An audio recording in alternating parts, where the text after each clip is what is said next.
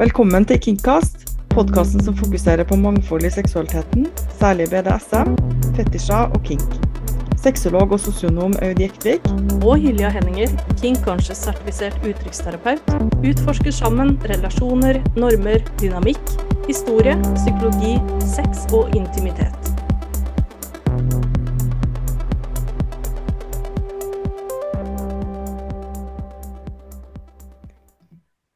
I dag så hadde jeg og Hylia lyst til å snakke om digisex. Og digiseksualitet er rett og slett koblinga mellom teknologi og mennesker når det gjelder seksualitet. Så digiseksualitet kan være alt fra chattetjenester til sexroboter og alt imellom. Det syns vi var et litt sånn bra tema å starte det nye året med. Eller tidlig på året.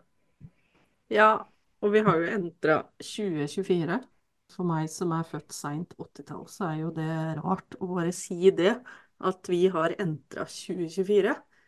Og teknologien den har tatt over på veldig mange forskjellige områder av eh, livene våre. Kanskje mange, mange flere områder enn det vi ville ha forutspeila når vi først uh, satt der med hver vår Nokia 3210 og spilte Snake. Det har skjedd litt. Ja.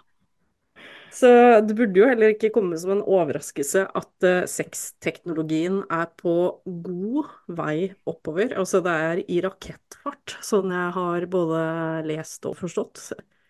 Og mange av oss har kanskje benytta mange av de tinga som går i den kategorien, som f.eks. en smart vibrator eller uh, en fjernstyrt duppedings på soverommet. Mm. Uh, og da har man liksom på en eller annen måte deltatt i integreringen av den type teknologi i sexlivet.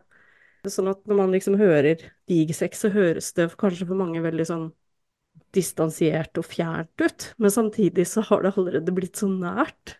Det har blitt en naturlig del av livet vårt, da. Altså mer eller mindre. Jeg tenker at digisex har jo potensialet for å både gjør at folk føler seg nærmere når man kanskje er fysisk langt ifra hverandre, og ikke minst det her med at hvis man har noen eh, funksjonsvariasjoner eller sånn, så kan man bruke teknologiske hjelpemidler. Det er utrolig mange forskjellige måter å ha Digisex på. Og også når vi hadde 3030, eh, Nokia 3030, så drev vi jo sexchatter, men da uten emojis og, eh, og bilder, tenk det. Ja. Man lagde jo sine egne emojis i gåseøyne eh, med, med symbol, da, som alt fra ja, hermetegn til eh, Ikke sant. Man lagde jo sånne rare symbol. Pupper. Eh, parentes, punktum parentes, osv. Så, eh, så man brukte jo fantasien sin da så Det var jo sexting. Det var det absolutt. Ja, ja. Så man hadde ikke den der fersken og de der dråpene og Nei de der som er liksom nå. Nei, og det, det er jo litt vanskelig kanskje for de som ikke er den yngre generasjonen i dag, og på en måte skjønne hva alle disse emojisene betyr. da, fordi jeg har jo også jeg så en TikTok-video av en, eh, en dame i 60-årene som sender en melding som hadde vist Hun hadde fått en, eh, en eh, agurkplante, spørsmålstegn, fra nabofyren. en ungkar på 60 år Eh, og så hadde hun svart med melon, eh, hjerte, smilefjes. og barnebarnet bare No, you can't! You can't text a peach! og bare Why? Why? Helt krakivsk, vet du.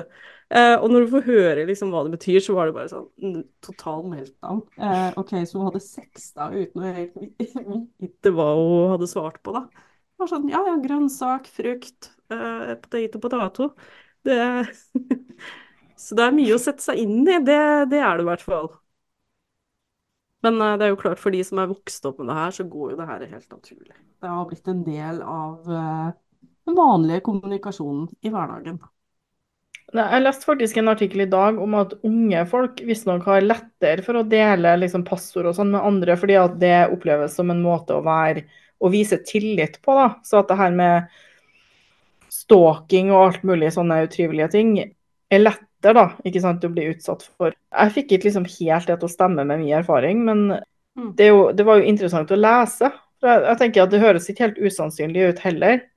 At hvis man har en eh, Snapchat-konto eller en annen type konto, hvis man har sporing på forskjellige apper, at man da deler det med venner eller en potensiell partner for å liksom vise ja, tillit. Uh, og så tenker jeg at det er jo ikke riktig måte å bygge tillit på, hvis man kan si at det er riktig og feil måte.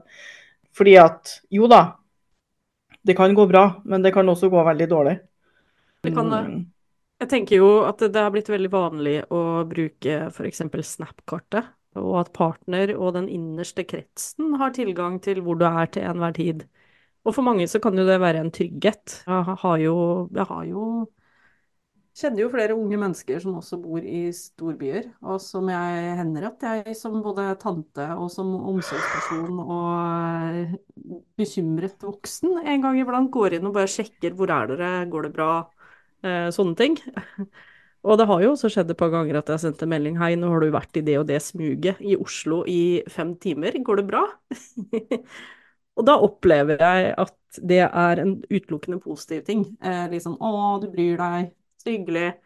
Men det kan misbrukes òg, selvfølgelig. Det å være tilgjengelig og det å være synlig hele tida. I hvert fall nå i år hvor det kanskje er mer aktuelt enn på lenge å snakke om eh, partnervold og det som skjer ute i nyhetsbildet her i Norge nå, så, så vil det være en risiko ved det òg. Både det å være synlig for de som er det kan misbrukes da, av feil personer. I hvert fall hvis du er offentlig synlig. Ja, og så, og så skjer det så mange interessante ting, da. Eller ting som kan være interessant for folk. F.eks. å putte en airtag på en sub, eller å gi dem oppgaver, så kan du følge med at de faktisk gjør det. Eller det å bruke fjernstyrt leketøy til orgasmekontroll eller uh, tease and denial, eller hva det nå måtte være. da. Men samtidig så er det den her, sånn lille risikoen. men nå skal vi ikke overdramatisere, men ja, det, det, er måter å misbruke alt det her på. Og så har jeg også hørt en bekymring om at digisex gjør seksualitet mer upersonlig. Og der er jeg litt sånn Jo da, det å ha sexdokker f.eks. kan jo gjøre at folk som har fantasier som, som ikke bør settes ut i livet, blir styrka i trua på at det her er greit, men samtidig så klarer jo de aller, aller fleste å skille mellom fantasi og virkelighet, og skille mellom menneskelig kontakt og andre nyttelsesmåter. Da. Mm. Eh, så ja da, det vil være ei lita gruppe som ikke er god på det med samtykke og sånn, som da kan få det kan gjøre det mer utfordrende for folk rundt seg, men da må vi jo følge opp de, og ikke nekte alle den muligheten til å utforske. Og det kan også gjøre det mer personlig, altså det her med sexchatting og fjernstyrte leker kan gjøre at man kan leke på på nye måter som man ikke hadde muligheten til før. Mm. Ja, på mange måter. Absolutt. Og du var jo så vidt inne på det i uh, introduksjonen her, at, uh, at, det kan også fungere som et hjelpemiddel for mennesker med ulike funksjonsgrader. Da. Altså folk som er funksjonsnedsatt på en eller annen måte, og som er avhengig av hjelp, bistand, hva som helst for å få utøvd eh, seksuell aktivitet. Eh, det fins jo Altså, la oss si et eksempel. En person har eh, sitter i rullestol og er paralysert, men hjernen er helt påkobla. Du kan ha sånn som MS Sånn som her i Norge, hvor det på en måte Her er det ikke lov ennå. Det er jo en ting jeg er for. Det at det skal bli lovlig at mennesker som trenger hjelpemidler for å utøve sex og intimitet, at de skal få lov til å kjøpe seksuelle tjenester, eller å få tilbudt en hjelpende hånd hvis de trenger det. Som, altså, vi har jo hjelpemidler for det meste, men vi har det ikke i like stor grad. Det er mye som har kommet på markedet, det skal sies. Men vi har ikke den menneskelige hjelpemiddelet i like stor grad som vi f.eks. ser i Nederland, hvor det også er eh, mer eh, Altså, folk drar jo også fra både Norge og fra Danmark ned til Nederland for å få eh, hjelp hos eh, profesjonelle, da, når det kommer til eh, det å få nær kontakt, Utover det som er daglig stell og, og vanlige rutiner. Så der kan jo kanskje digisex være et lite plaster på såret. for veldig mange, hvis det er noe man kanskje trives med, da. Hvis det er noe man finner interessant. Ja, altså det med mm, tilgang på f.eks. Å, å kjøpe seksuelle tjenester er jo en stor debatt, som jeg tenker at vi kan lage en egen episode om. Nei, for jeg, jeg ser jo at mennesker med funksjonsvariasjoner eksempel, som ikke når, da, kan ha nytte av et sexleketøy som er fjernstyrt, sånn at man ikke trenger å styre det med handa eller skru av og på eller justere ting. At man, at man får det lettere til da med sånne fjernstyrte leketøy. Og så er det jo noe med å ha sex med seg sjøl, at det kan føles mer um, når man onanerer, så kan det være spennende å bruke forskjellige typer leketøy. Eh, noen har jo også utvikla ganske sterke relasjoner, hvis man kan kalle det det. Jeg tenker at man kan det, med AI-program, som liksom er en slags eh, partner, kjæreste, som man kan chatte med, og som man lærer da hva man liker. Nå er jo ikke AI liksom veldig, veldig bra. Det kommer jo til å bli veldig mye bedre på kort tid. Men Mm. det finnes allerede program der man kan bli kjent med noen og flørte, og der de svarer positivt og osv. Det syns jeg jo er interessant. Jeg håper jo at folk kan se nytten i det, samtidig som at det ikke erstatter menneskelig kontakt. Det tror jeg egentlig ikke. Vi får se. Nei. Men du har jo selvfølgelig de som, eh, de som utelukkende tiltrekkes eh, det som er digitalt, da.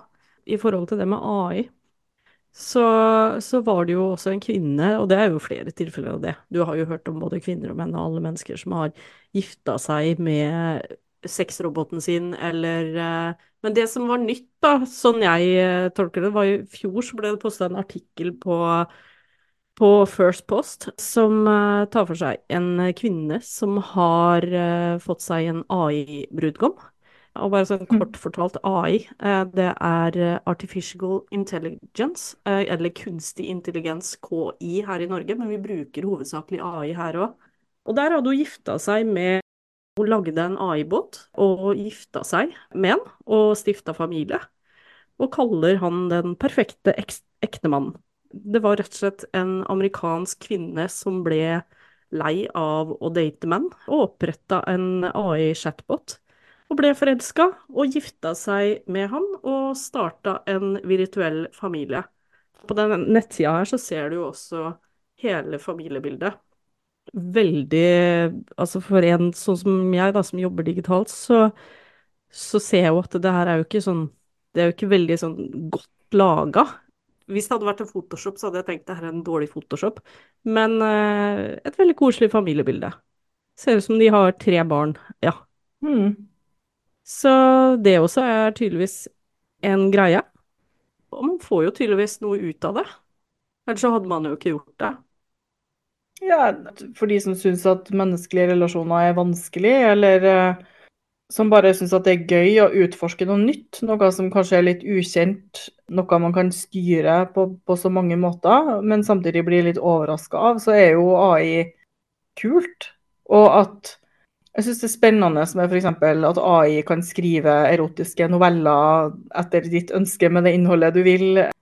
Mm. AI kan ja, bidra til å på en måte virkeliggjøre fantasier som enten ikke noen kan samtykke til, eller hvis man har en fetisj eller en interesse som man ikke har funnet noen som deler noe, da, så kan man ja, chatte med noen, altså med AI, og, og på en måte ja, få feedback på en annen måte enn når man kun fantaserer sjøl. Det tenker jeg at er en veldig spennende mulighet, da.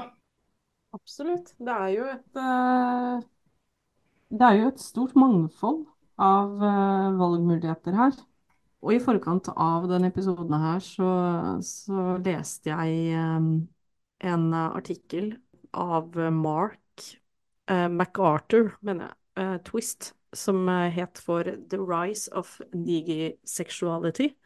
Den ligger ute på nett hvis du er interessert. Og der eh, nevnes førstebølge av uh, digisex og andre bølge. Og sånn jeg forstår, så er første bølge Den inkluderer mennesker som bruker teknologi som en del av deres seksuelle og romantiske forhold. Og det er, som vi har vært inne på, eh, det kan være å bruke porno på nettet, eh, vanlig dating eller eh, oppkoblingsapper og sexting, som vi snakka om i stad. Så det er på en måte Det er førstebølges digiseksuelle. Og da brukes teknologien som en måte å oppnå seksuell tilfredsstillelse på, men det er Det betyr ikke nødvendigvis at det er den eneste måten, eller den mest foretrukne måten å bli seksuelt oppfylt på, da. Sånn at når vi kommer til andre bølges digiseksualitet, så innebærer det faktisk en dypere tilknytning. Sånn at f.eks. hun som gifta seg med AI-båten sin, det er en andrebølges digisex. Fordi det, det kan f.eks. inkludere bruk av virtuell virkelighet, sexroboter, som et middel til å tilfredsstille seksuelle behov, men også emosjonelle behov. For det er jo et viktig poeng her at det handler jo heller ikke bare om sex. For mange så innleder de relasjoner med en uh, sexbot som i utgangspunktet er laga for sex, men som de kun vil ha en relasjon ut, da. En aseksuell relasjon, for eksempel. Så det fins jo også mange forskjellige legninger der også. Sånn som du gjør i mellommenneskelige relasjoner. Mm. og også i Digisex så kan man jo lage en versjon av seg sjøl som ikke finnes hvis man vil teste ut ulike kjønnsuttrykk, eller å ha litt annerledes personlighet, kanskje være mer pågående eller, eller sånne her ting, så kan det være en fin måte å eksperimentere på, trygt, før man eventuelt gjør det med en virkelig person. Eller uh, ansikt til ansikt, hvis man gjør det via meldinger og sånn. Det er jo veldig greit, da. Og så er det jo VR, eller uh, virtuell eh, porno. Virtual mm. reality porno det var jo i starten litt utilgjengelig for folk flest, fordi eh, det kosta en del. Dyre hodesett, og du måtte ha ganske dedikerte konsoller for å nyte VR. Men i dag så kan du jo faktisk se VR med telefonen, og bruke et uh, sett med billige hodetelefoner. Altså for de som er inne i gamet, så, så, er de kanskje ikke helt enig i det jeg sier nå. Fordi eh, utstyr er liksom der eh, for å få hele opplevelsen, og jeg kan jo se den. Men det er laga VR hvis du for, for enkelt bruk, rett og slett. Hvis du har enkle ja, enkelt utstyr. Eh, så det er litt sånn Det skal nå folk flest, da. Selv om folk flest kan jo diskuteres. Når det egentlig folk flest? Er det sånn at det er likestilt? Er det sånn at det retter seg like mye mot kvinner som mot menn, f.eks.? Mm. Ja, man har jo en ganske lang historie med at det er um, cis-hetero menn som styrer en del av særlig teknologisk utvikling, da, og som er ja, sånn Setter på en måte dagsorden da, i mange sammenhenger. Men samtidig så åpner jo Digisex for mer mangfold på mange måter. Og Jeg håper at, at det er den utviklinga vi vil se, og ikke enda mer liksom veldig ensretta porno eller ensretta verktøy, kall det hva du vil. For det, det er jo ikke at uh, cis-heteromenns seksualitet ikke er viktig, den er kjempeviktig og den er veldig positiv. Men det er veldig fint at mennesker med, av ulike kjønn og mennesker med ulike seksuelle orienteringer og ulike tenningsmønster får mer um, valgmuligheter. Og at um, flere måter å uttrykke seksualiteten sin på.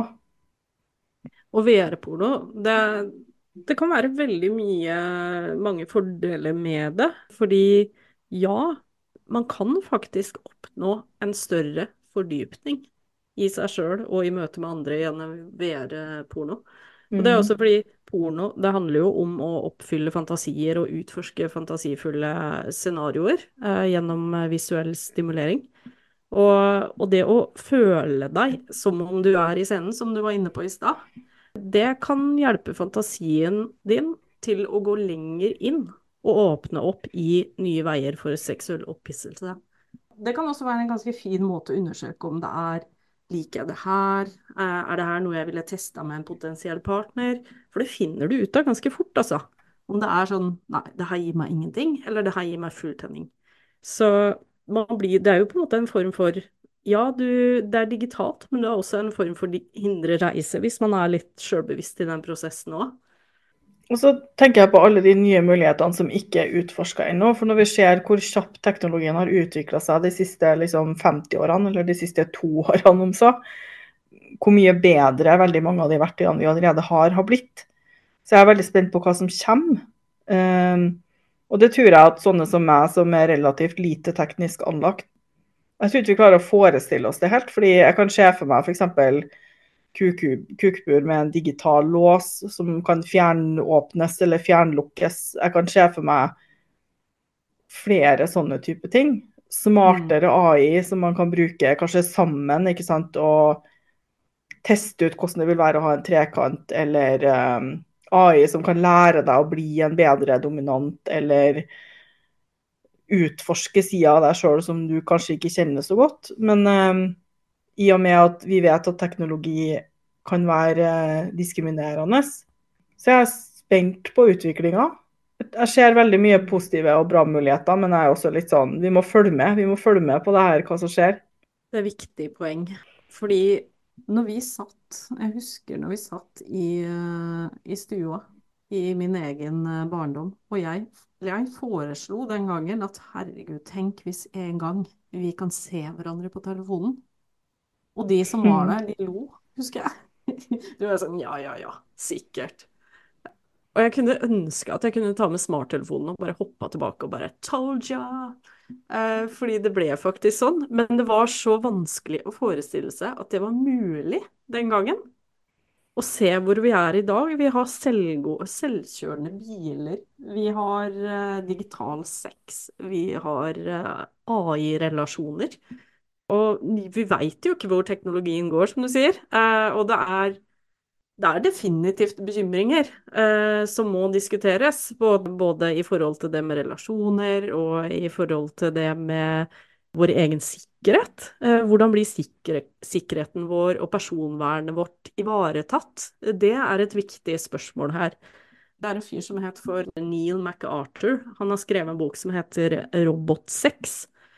Og, og, han viser jo samme bekymring som vi dypper tærne litt inn i nå. Hvor han, eh, han har skrevet en bok om robotsex, hvor han eh, tok opp eh, problemet fra en rekke perspektiver og presenterte noen av sine egne tanker i en artikkel der han skrev for The Guardian, hvor i et intervju Og i artikkelen, som heter for What the heck is digisexuals, så sier han at han ønska å ta opp spes en spesifikk brikke i puslespillet. Spørsmålet om hvordan teknologi påvirker dannelsen av seksuell identitet, og hvordan mennesker med teknologisk basert seksuell identitet kan møte stigma og fordommer. Og han ønsker å diskutere at det er fare knytta til det, men han vil også presisere at men pisk og bondage, det kan også forårsake mye skade. Det betyr ikke at vi skal få kinky mennesker til å føle seg som freaks, ikke sant? Så det er noe vi må snakke om. Vi snakka jo som sagt altfor lite om hvordan sosiale medier kunne påvirke oss i fremtiden, når Facebook eh, kom i 2004. Så vi er nødt til å snakke om hvordan kunstig intelligens og digisex potensielt vil påvirke oss i fremtiden, på godt og vondt. Det var det vi hadde om Digisex i dag. Og i dag så har vi bare dyppa tærne ned i digital sex. Vi kommer garantert tilbake til temaet og skal snakke litt mer om hva digisex er, og hvorvidt digiseksualitet kan gjelde for deg. Takk for at du fulgte oss i dag. Vi håper at eh, dette var interessant. Følg Kingcast på Facebook for oppdateringer og nye episoder. Har du spørsmål eller tilbakemeldinger, send oss en PM. Takk for at du hørte på Kingcast.